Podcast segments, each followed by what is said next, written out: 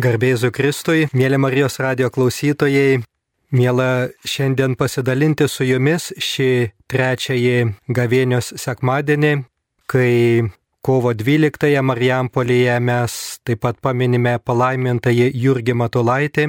Ir tą progą esu pakviestas pasidalinti su jumis keletą minčių.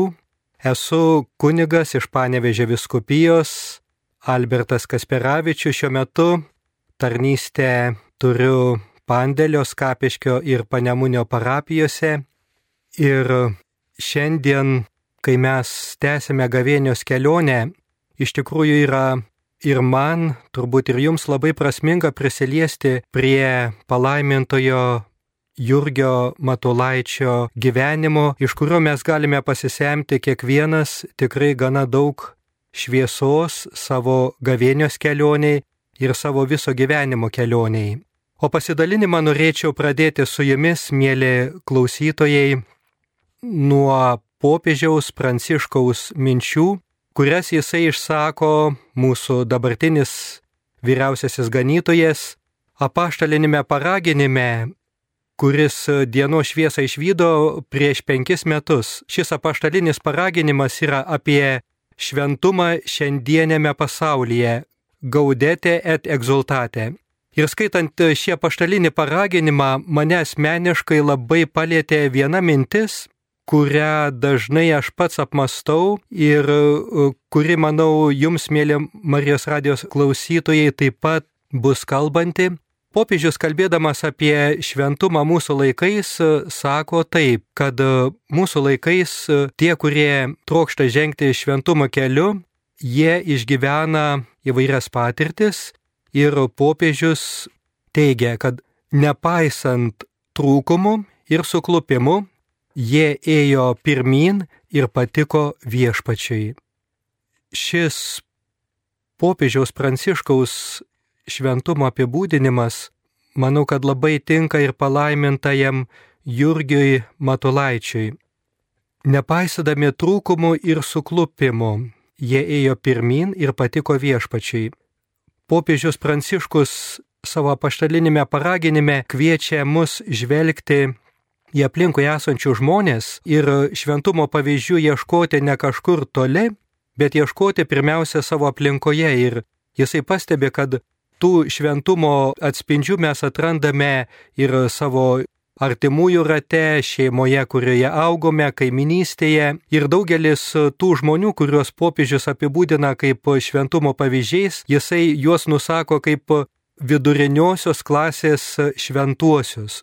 Taigi nepaisant trūkumų ir suklupimo, jie ėjo pirmin ir patiko viešpačiai. Kai klausausi šių žodžių, aš juose atrandu asmeniškai daug paguodos pačiam savo. Nes turbūt e, kiekvienas mūsų žvelgdamas į savo gyvenimą atpažįstame, kad nesame tobuli.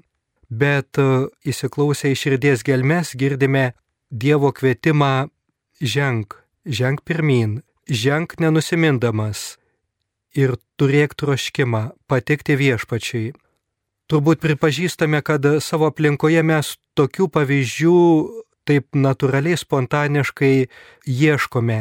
Ir man kaip kunigui nekarta tenka išgirsti iš kai kurių žmonių tokį kaip atsidusėjimą, priekaištą, kad jeigu bažnyčia aš nematyčiau to ar to žmogaus, man būtų lengviau bažnyčią lankyti, tikėjimą praktikuoti. Ir iš tikrųjų tarp tų žmonių, kurie supa mus, mes matome visokių pavyzdžių ir natūraliai ieškome bendra keleivių, kurie mus tikėjime palaikytų, mus dvasioje stiprintų, mums ryšto suteiktų. Aišku, santykis su Jėzumi mūsų viešpačiu, su mano viešpačiu ir man ir jums yra pamatinis santykis, nes esame Jėzaus atpirkti, esame jo išgelbėti, esame Krikšto malonėje atgimę, esame dieviško artumo lydimi, bet e, kiekvienam iš mūsų, ko gero, reikia ir tų žmonių, kurie būtų bendrakeleiviai ir turintis šventumo bruožų. Ieškom to tokio tikrumo, tikrumo žmoguje, kad jisai gyvendamas sutikimo malonė palaikytų mane, stiprintų mane, teiktų vidinių jėgų. Ir štai čia palaimintasis Jurgis, ko gero, gali būti mums šiandien vienas iš tų padrasinančių pavyzdžių. Tiesą sakant, dalindamasis apie jį, pripažįstu, kad mano pasidalinimas yra kuklus, nes galbūt ir jūs, kai kurie gerbiami klausytojai, galite daug daugiau apie palaimintąjį Jurgį pasakyti ir kai kurie iš jūsų galite pripažinti, kad su palaimintoju sieja jūs asmeninis tvirtas draugystės ryšys, bet galbūt kai kurie iš jūsų besiklausantis galvoja, taip jisai yra tas žmogus, kuris turi tą šventumo grožį, iškeltas altoriaus garbę, palaimintasis, bet kuo jisai kalbina mane. Taigi, kuo kalbina mane? Ir čia, broliai seseris, noriu sustoti prie pirmiausia keleto palaimintojo Jurgio biografijos bruožų, e, kurie kaip tik tą popiežiaus mintį leidžia gyviau ir stipriau pajusti, kad nepaisant trūkumų ir suklupimų, Jurgis ėjo pirmin ir patiko viešpačiai. Anksčiau, kai tos minties klausiausi, tai man jinai skambėjo kaip, kad trūkumai, suklupimai tai tokio moralinio gyvenimo trūkumai. Arba suklupimai, kuriuos išgyvenu po to atpažindamas, kad tai yra mano nuodėmis. Bet kai žvelgdamas į palaimintojo Jurgio gyvenimą įsiklausau, pajaučiu, kad tie trūkumai ir suklupimai nebūtinai būna nulemti mano nuodėmingo gyvenimo klaidų. Tai yra, kiekvienas turim savo trūkumų, turime savo ribotumų. Ir mastau pirmiausia apie palaimintąjį Jurgį, dar paauglį jaunuolį 16, 17, 18 metų, kai jisai našlaitis tėvų namuose gyvendamas jau tėvų nebeturėdamas, vyresnio brolio globoj ir turėdamas progresuojančią kojos lygą, kaulų džiovą, buvo galima sakyti išeliminuotas iš sveikų, normalių žmonių gyvenimo aplinkos. Ir mastau, ką tas jaunuolis galėjo išgyventi, ką jisai galėjo jaust, kai šalia jo draugai ir mokslo siekia, ir ūkiuose rimtų darbų imasi, ką jaunas žmogus gali išgyventi atsidūręs gyvenimo užrybėje. Vėl kita jo patirtis po to, kai po studijų Fribūrė grįžęs jau jaunas kunigas Keltsų viskupijos atkeliaus į Varšuvą gydytis. Ir kadangi tuometinis jo pusbrolis sirgo, tas pats pusbrolis, kuris lygota jaunuolė Jurgutė buvo ištraukęs iš lūginės kaimo, kad galėtų jisai ten ir toliau mokytis ir, ir po to rinkosi kunigystės kelią. Kada grįžta po studijų ir tenka ieškoti e, gydimosi galimybių ir palaimintas, būsimas palaimintasis atsiduria vargšo ligoniniai, o lyga progresuoja ir toji būsena, kurioje jisai yra, atrodo vėl kaip kad išmestas iš gyvenimo. Šie du palaimintojo gyvenimo epizodai labai artimai susisieja su šiandienos pirmoju skaitiniu, kuriuose mes matome išrinktąją tautą esančią giliam nepritekliuje. Ir kaipgi tam nepritekliuje mes elgiamės, kai išgyvenam vieną ar kitą nepriteklių.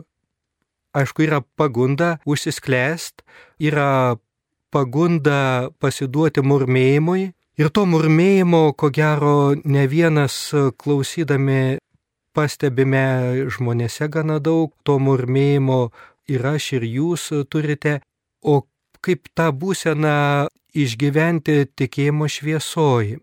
Ir štai čia būsimas palaimintasis Jurgis yra tikrai tas pavyzdys, kuris kalba mums.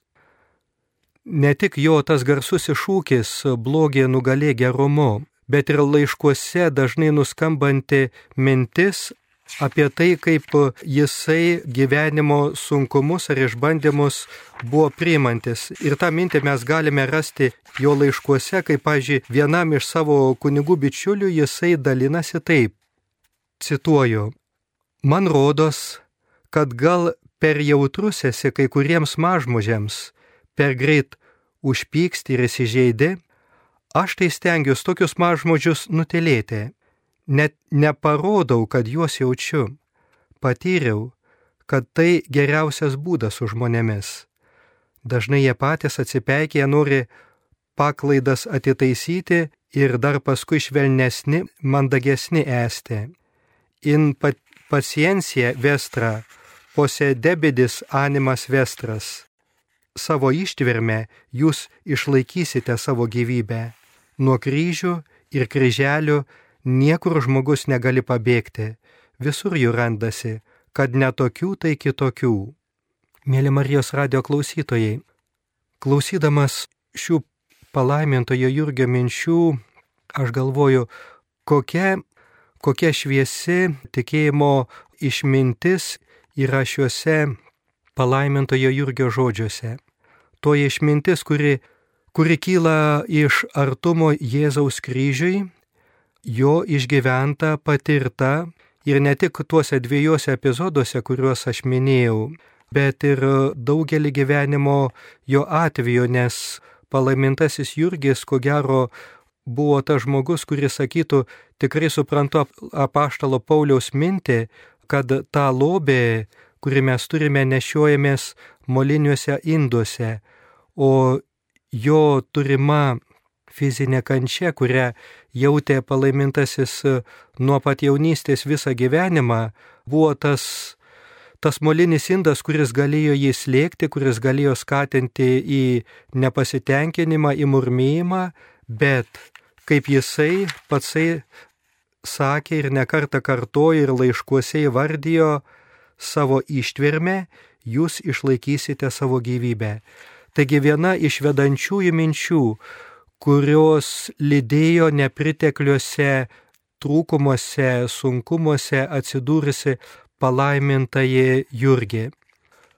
Ir pagaliau tas jo garsusis šūkis, kuris tapo ir jo kaip vyskupo ganytojo vedančiaja mintimi, tasai šūkis, kuris taip pat e, atėjo ne, ne šviesia gyvenimo akimirka, bet tuo metu, kai žmogus buvo apsuptas, atrodo, tiek daug atidavę širdies dėl Varšuvos darbininkų telkimo ir krikščioniškos dvasios gaivinimo jų širdise, kai iš pačios bažnytinės vyresnybės atėjo tas įtarumas ir štai kaip apie savo patirtį taipogi savo bičiuliui kunigui laiške dalinasi mūsų palaimintasis. Cituoju, kai perkūnas mane trenkė, kai nuėjęs pas savo draugą kunigą Tauerį iš jo išgirdau, kad arkivyskupo kurijoje tartasi mane suspenduoti ir prie jokių darbų neprileisti. Tarsi, kad žemė būtų po manimi prasiskyrusi, netekau pamato po kojų. Tasai smūgis tiesiog teko man persirgti. Daugiau kaip savaitę išbuvau užsidaręs savo kambaryje. Beserganta lyga, Dievas man davė suprast šiek tiek kryžių ir kentėjimų reikšmę ir prasme. Ir pagėjau iš Dievo malonės. Pradėjau, ko ne visiškai nepaisyti, ką žmonės apie mane mano, kalba ar rašo. Vien žiūriu Dievo garbės ir bažnyčios labo savo obalsių pasėmiau, vince malium in bono, nugalėk piktą gerumu. Mėly Marijos radio klausytojai, klausausi šių palaimintojo Jurgio minčių šiuo gavėnios laiku, kai mes kviečiami apmastyti kryžiaus kelią, bažnyčioje tą kryžiaus kelią turime vienokio ar kitokio pavydalu savo gyvenime, klausausi ir galvoju, toks pat žmogus. Toks pat žmogus kaip ir aš, kaip ir jūs. Bet čia jau buvo nebe kūno skausmas, bet čia buvo kai kas giliau. Ir tuose žodžiuose girdžiu, kaip šis žmogus atranda Jėzaus kryžiaus gelbinti artumą. Šis Jėzaus kryžiaus gelbintis artumas lydės palaimintai visą tolesnį gyvenimą. Jis žengs pirmin, nebijodamas trūkumų, priešiškumų, kuriuos jisai išgyvens jau įžengdamas į Vilniaus arkivyskupo sostą. Ir po to jo gyvenime turėti susitikimai man taip pat atneša labai daug šviesos. Truputėlį prisilietęs prie palaimintojo gyvenimo ir vartydamas tikrai daug peno teikusią knygą palaimintasis Jurgis Matulaitis Štrichai portretui, kurį parengė sesuo Viktorija Plečkaitytė, Vargdienių kongregacijos sesuo, norėčiau pasidalinti porą liudijimų, kurie galbūt e, leis Evangelijos šviesoje pajausti, kaip Jėzaus draugai ir žmonės prakalbina tuos, kurie pirmą kartą susitinka jį. Nes, kaip šiandien klausysite Evangelijoje, vienai moteriai teko didelė malonė sutikti pirmą kartą prie Samarijos šulinio Jėzų ir atrasti naujo gyvenimo versmę tie žmonės, kurie paženklinti šventumo dovaną, jie taip pat yra Jėzaus mokiniais būdami ta versmė, kuri atgaivina mus ir paskatina eiti pirmin tikėjimo keliu. Tad vienas liudimas, šis liudimas yra tuo laiku, kai palaimintasis Jurgis buvo atsidūręs ligoninėje, vargšo ligoninėje apie tai, ką aš minėjau tam antrame epizode. Ir štai ten vienas perspektyvus profesorius Eugenijus Jara pirmą kartą jį sutinka. Štai kaip šis žmogus dalinasi susitikimo su palaimintoju Jurgiu akimirkomis.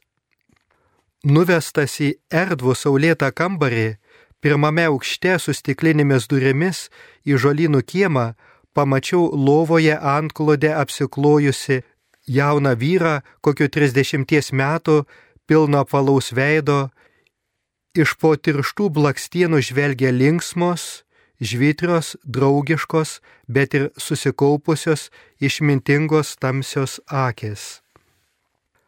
Likome vieni du bet ir nereikėjo tarpininko mums susipažinti. Jau tada pažinojau labai daug įvairių klasių žmonių.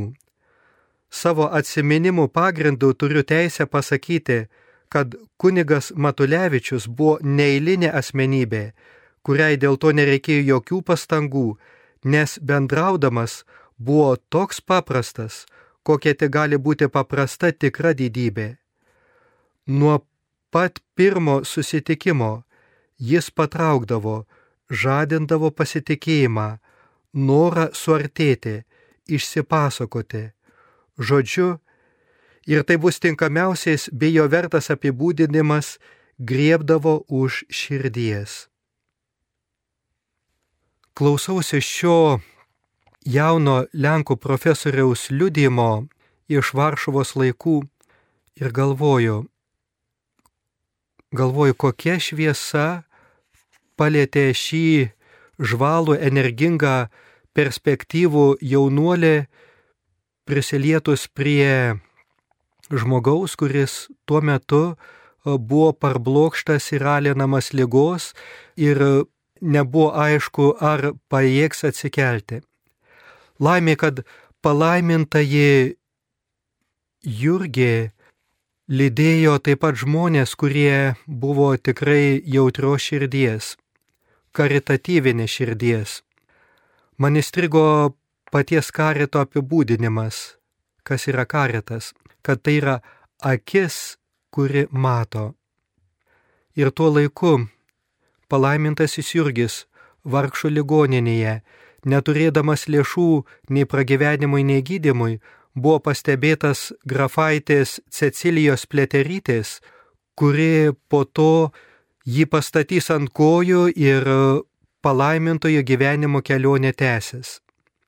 Na ir dar kitas liudimas, kuriuo dalinasi sesuo Viktorija savo knygoje, tas liudimas yra vienos jaunos merginos, 17 metės, ir tas susitikimas jau buvo Lietuvoje, Marijampolėje. Ir štai kokį įspūdį tuometinė jauna mergina, vėliau tapsianti palaimintojo Jurgio bendražygė ir vargdienių seserų ilgametę vadovę, vėliau gavusi netgi labai gražią pravardę močiutė, kaip ta mergina dalinasi pirmosiomis susitikimo su palaimintoju Jurgiu akimirkomis. Cituoju. Susirašiusi iš ankstinius pašaukimo klausimus į popierių, vieną dieną popierium nešina pasibeldžiau į profesoriaus Jurgio kambarį Marijonų vienuolynę. Baiminausi, kad čia reikėsia su dar nepažįstamu ir aukšto rango žmogumi kalbėtis 17 metų dar gimnazijos nebaigusiai mergaitai.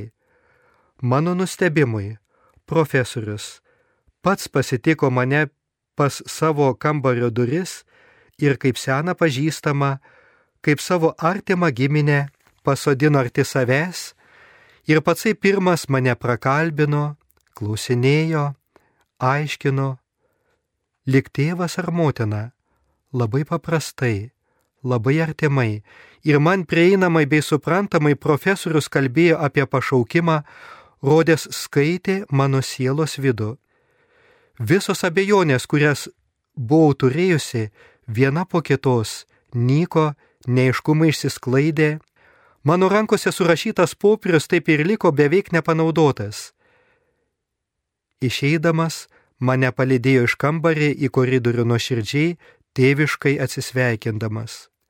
Buvau sužavėta jo paprastumu, gerumu, o ypatingai tėviškų rūpestingumu, mokėjimu išvelgti ir suprasti jaunos sielos aspiracijas ir rūpeščius. Patarė nieko nelaukiant, to jau stoti į čia pat, jo paties teigiamą seserų vienolyje, nenutraukiant mokslo. Šį jo patarimą netrukus ir įvykdžiau. Citatos pabaiga. Broliai seseris, Mūsų tikėjime yra dovanota šventųjų bendravimas. Ir laimingi, jeigu savo aplinkoje turime tų žmonių, kurie spindi tikėjimo tikrumu, šventumo atspindžiais. Yra taip pat tas šventųjų bendravimas, kuris mus sieja su ten amžinybėje esančiais, kurie turi tikrai tą šventumą kvapsnį linkiu jums būti sustiprintiems šventųjų pavyzdžiais, palaimintojo Jurgio pavyzdžių. Ir jeigu kai kuriems iš jūsų šis žmogus jau yra artimas ar galbūt taps artimas, nebijokime prašyti jo pagalbos, jo pastiprinimo. Tai yra tikrai žmogus, kuris iš amžinybės gali lydėti mūsų gyvenimo žingsnius, O jeigu bus išgyventos malonės, būkite drąsūs dalintis, nes šventieji yra pasipuošę taip pat stebuklų malonę mums. Linkiu jums visiems gražių susitikimų, kaip išgyveno Samarietė, pastiprinimo nepritekliuose, kaip Mozės vedama patyrė Dievo tauta, linkiu tikrai prasmingos gavėnios, kuri per kryžiaus pergalę veda į Velykų šviesą. Albertas Kasperavičius šiuo metu tarnystę turiu Pandėlio, Skapiškio ir Panemunio parapijose. Garbė Jėzui Kristui.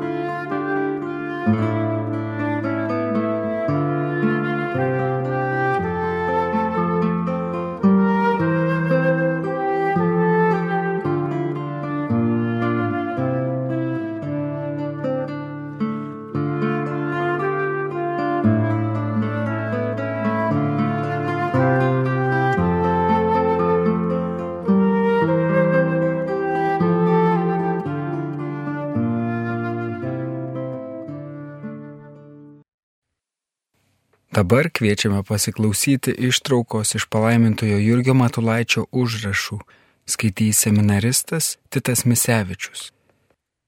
Jei užmiršiu tave Jeruzalę, te būna užmiršta mano dešinė. Te prilimpa liežuvis prie mano gomurio, jei aš neminėsiu tavęs, jei nelaikysiu Jeruzalės savo džiaugsmo pradžia. 136 psalmė. Tasai šauksmas tebūnie nuolatiniu mano širdies šauksmu. Duok Dieve, kad mes būtume pagauti tos didelės vienos minties - dėl bažnyčios dirbti, vargti, kentėti, kad bažnyčios kentėjimai, vargai ir žaizdos būtų mūsų vargais, kesmais ir žaizdomis mūsų širdies, kad būtume pagauti to vieno geismo, nieko čia ant žemės nesitikint, neieškant, jokio savo pelno nelaukiant, savo gyvenimą pašvesti Dievui, bažnyčiai sudilti, sunykti darbuose, varguose ir kovose dėl bažnyčios, kad mes turėtume tą didelį narsumą, jokių kliučių iš pusės pasaulio ir jo galybių nesibijant, jokiam bailumui nepasiduodant, eiti drąsiai į darbą, į kovą dėl bažnyčios, tenai, kur labiausiai to reikia. Tai yra, kur pasauliškė valdžia persikioja bažnyčią, vienuolyjas, varžo bažnyčią ir jos organizacijas ir įstaigas, kad mes tik to vieno bijotumės - numirti nieko dar nekentėję, nevargę, nedirbę dėl bažnyčios, dėl sielų išganimo, dėl Dievo garbės, kad mūsų mintis, geismai, norai visi tą pusę linktų, kaip čia visur Kristų įnešus, jo dvasia perėmus, kaip visur katalikų bažnyčios vardą išaukštinus turėtume tam tikslui pasinaudoti visokiomis, žinome, padoriomis priemonėmis ir paprastų kunigų, ir kur geriau išeina vienuolių, ir kur tai patogiau yra pasauliškių rūbais ir amatais, ir darbais, ir mokslu, ir turtais, ir savo krauju, ir viskuo. Viskuo, kas Dievo sutverta ir dora, visko, kada to reikia, kodėlgi negalėtume suvartoti didesniai Dievo garbiai ir bažnyčios labui. Visa visokių darbų dirba, ypač kunigiškų darbų dirba, rišančiusi su žmonių apšvietimu ir organizavimu, dirba visame savo platume, žinoma visur pasirenkant, kas galėtų didesniai Dievo garbė išeiti, ko labiau reikalauja bažnyčia. Kuo turėtume mes ypatingų būdų prasinešti? Įsižadėjimu savęs ir visišku atsidavimu Dievui ir jo bažnyčiai viduriniu dvasišku gyvenimu, o iš antros pusės veiklumu tarp žmonių ir su žmonėmis, telkiant apie save visus gerų norų žmonės, uolumu ir narsumu, besverdėlėjimu ir baimės, kur reikia ant visko pasiryštant, viskuo rizikuojant dėl didesnės Dievo garbės, dėl bažnyčios labo, dėl sielų išganimo, iniciatyvos dvasia, bet laikomos drausmėje sutvarkyta ir suorganizuota, suimta kuo pilniausios paklusnybės ryšiais. Kiekvienas iš mūsų turi stengtis kame nors prasinešti, išsispecializuoti, kad būtų tame kitiems atspirtis, bet taip, kad ir tame specializavimėsi būtų tvarka ir tikslingumas. Organizacija, kad ir čia kiekvienas ne tik pats savo eitų, bet kad ir visi iš vien eitų. Tarp savęs turėtume kuo didžiausioj vienybėj gyventi, broliškos meilės ryšiais susiriždami, kad guldytume galvas vienas už visus, o visi už vieną. Kaip ypatingas uždavinys dabartiniai gadiniai manding turėtų būti - įtraukti didesnius žmonių būrius, platesnę visuomenę į aktyvesnį darbą dėl tikėjimo ir bažnyčios apginimo ir praplatinimo, supopuliarizuoti apaštalavimo darbus, kad taip, kaip dabar rūpinasi geri katalikai, gailestingomis įstaigomis, taip dar daugiau rūpintųsi tikėjimo apginimu ir praplatinimu, bažnyčios apginimu ir išaukštinimu. Kiek čia gero galėtų padaryti pasauliškiai vyrai ir moterys, kad juos tik pirmiau geriau tikėjimo išmokinus, apšvietus, supažindinus su mūsų bažnyčios reikalais, kad juos uždegus švento uolumo ugnimi, o paskui, kad gerai suorganizuotus būreis patraukus prie darbo dėl tikėjimo praplatinimo. Jie galėtų ten įnešti Kristų, kur mes kunigai net neprieiti negalime. Reiktų mums telkti gerų norų žmonės aplink save ir vesti juos į darbą dėl Dievo garbės, dėl tikėjimo apginimo ir praplatinimo. Mūsų tarp žmonių veiklumo ypatybė turėtų būti mokėjimas žmonės organizuoti, vienyti ir traukti prie darbo dėl bažnyčios apginimo ir praplatinimo ir išaukštinimo. Žiūrėsiu, kad neapleidus darbo dėl maldos, nei maldos dėl darbo. Ora et labora. Melskis ir dirbk. Be nuolatinės maldos siela vysta ir džiūsta, jėgos išsenka ir įsibaigia, dvasiai įsiblaško ir patsai darbas pasidaro stebėtinai bergžės. Antra vertus, nereikia vėl užmiršti, kad ne tik melzdamiesi, bet ir dirbdami dėl Dievo garbės, Dievo garbiname ir jam tarnaujame. Mūsų veikliame gyvenime būtinai turime būti įpratę į vidurinį dvasišką gyvenimą, į nuolatinę dvasinę maldą. Turime mokėti atjausti savo širdyje viešpati Jėzų, statyti save ir savo darbus Dievo akivaizdoje. Labai svarbu įprasti maldai, apversti atliekamo laiko trumpas valandžiukės. Tai yra einant nuo vieno darbo prie kito, kur važiuojant, neteinant pasivaikščioti, atitrūkstant nuo darbo, nuo žmonių draugijos, nuo savęs užsiemimo. Be tokios nuolatinės maldos, nuolatinio dvasios kelimo prie Dievo veikliame gyvenime, kurį turime mes vesti, neilgai ištesėsime. Bet vėl antra vertus, darbas, malda gaivinamas ir pašvenčiamas trumpais prie Dievo atsidusėjimais, trumpais minties ir širdies aukštyn pakelimais, labai žmogų tobulina ir su Dievu suvienyje. Taip dieną praleidęs, žmogus jauti vakare kažin kokį dvasios ramumą ir širdies džiaugsmą, jauti, kad diena nebuvo tuščia.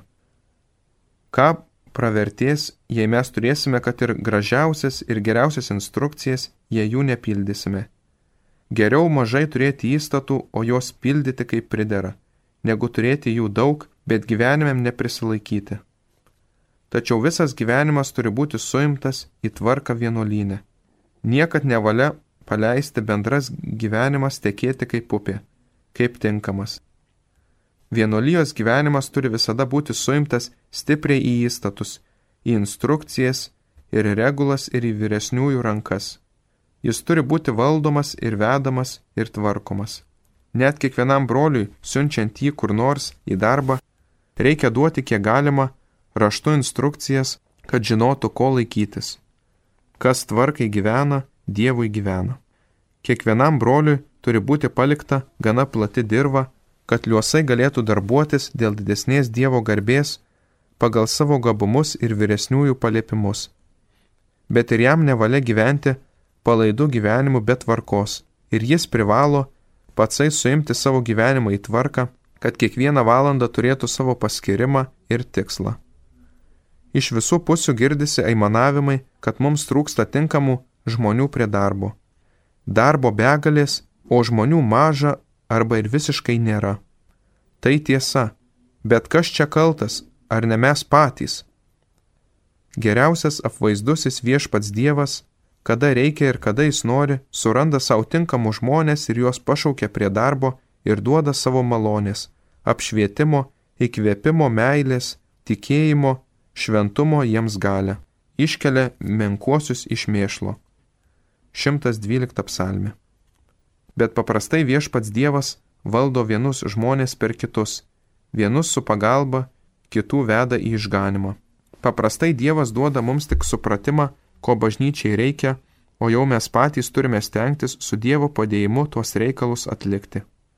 Reikia mums žmonių, tai stenkimės mes juos savo įsiauklėti, įsilavinti. Nuo to, man rodos, ypatingai reikėtų pradėti mums visus visuomenės Kristuje atnaujinimo darbus visą atnaujinti Kristuje. Iš laiško Efeziečiams, pirmas skyrius dešimta eilutė. Žmogaus protas yra versmė visokių minčių, kurios paskui patekusios į mines pasklinda į platų į pasaulį, ima žmoniją valdyti. Žmogaus valia yra to jėga, kuri arba telkdama ir vienydama aplink save kitus žmonės, arba juos stumdama pirmin, arba ir atgal juos vesdama, keldama žemyn nutraukdama, valdydama gali laimę arba nelaimę žmonijai suteikti. Žmogaus širdis visokių ugnies jausmų pilna gali būti jėga, kitus sušildančia, uždegančia, sukaitinančia, kaip garas ir elektra, prie gero darbo patraukiančia ir pastumenčia, arba vėl kenksmingų gaivalų, viską sunaikinančiu. Taigi svarbu žmogui gerai, tinkamai Kristaus dvasioje išauklėjus. Jo protą tikra pilna tiesa apšvietus, jo valią į Dievo valios per įsakymus, patartis, priedermes, pašaukimą, įkvėpimą aplinkybės ir taip toliau išreikštos ryšius stipriai suėmus ir Dievo malonę, kurią mūsų motina bažnyčia per sakramentus ir kitokiais būdais gausiai mums parūpina, kurią mums pats Dievas taip gausiai duoda, sustiprinus jo širdį karšta Dievo ir artimo meilę uždegus. Mūsų kongregacija tad ypatingų būdų turėtų rūpintis, kad išlavinus ir prirengus reikalingų bažnyčiai žmonių. Iš vienos pusės gerai reikėtų atsižiūrėti į bažnyčios reikalus kiekvienoje tautoje, reikėtų tuos reikalus, pradėjus nuo svarbiausių ir būtiniausių, stengtis gerai suprasti ir permanyti.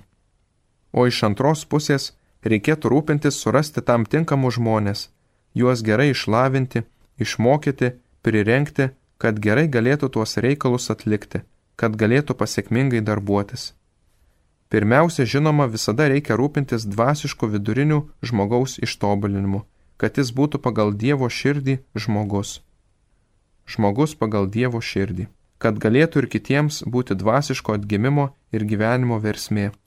Paskui reikėtų stengtis tobulinti ir kitose reikalingose daiktuose, ar tai mokslo, ar darbo, ar veikimo srityje, kad būtų nors vienoje kokioje gyvenimo šakoje bažnyčiai ir visuomeniai naudingas, kad ir įgimtomis dovanomis ir gabumais, darbu ir triusu galėtų Dievui tarnauti ir žmonėms naudingu būti, kad ir tais ištobulintais įgimtais įrankiais, kuriuos išlavinimas, mokslas ir gabumai duoda, nežemiau už netikinčius arba ir tikinčius, kurie nėra Dievo ypatingai pasišventę, stovėdamas, kiek galint dar ir prasineždamas, kad ir tais įrankiais galėtų pasiekmingai naudotis, kad kitus prie Dievo ir bažnyčios patrauktų. Girdėjome ištrauką iš palaimintojo Jurgio Matulaičio užrašų.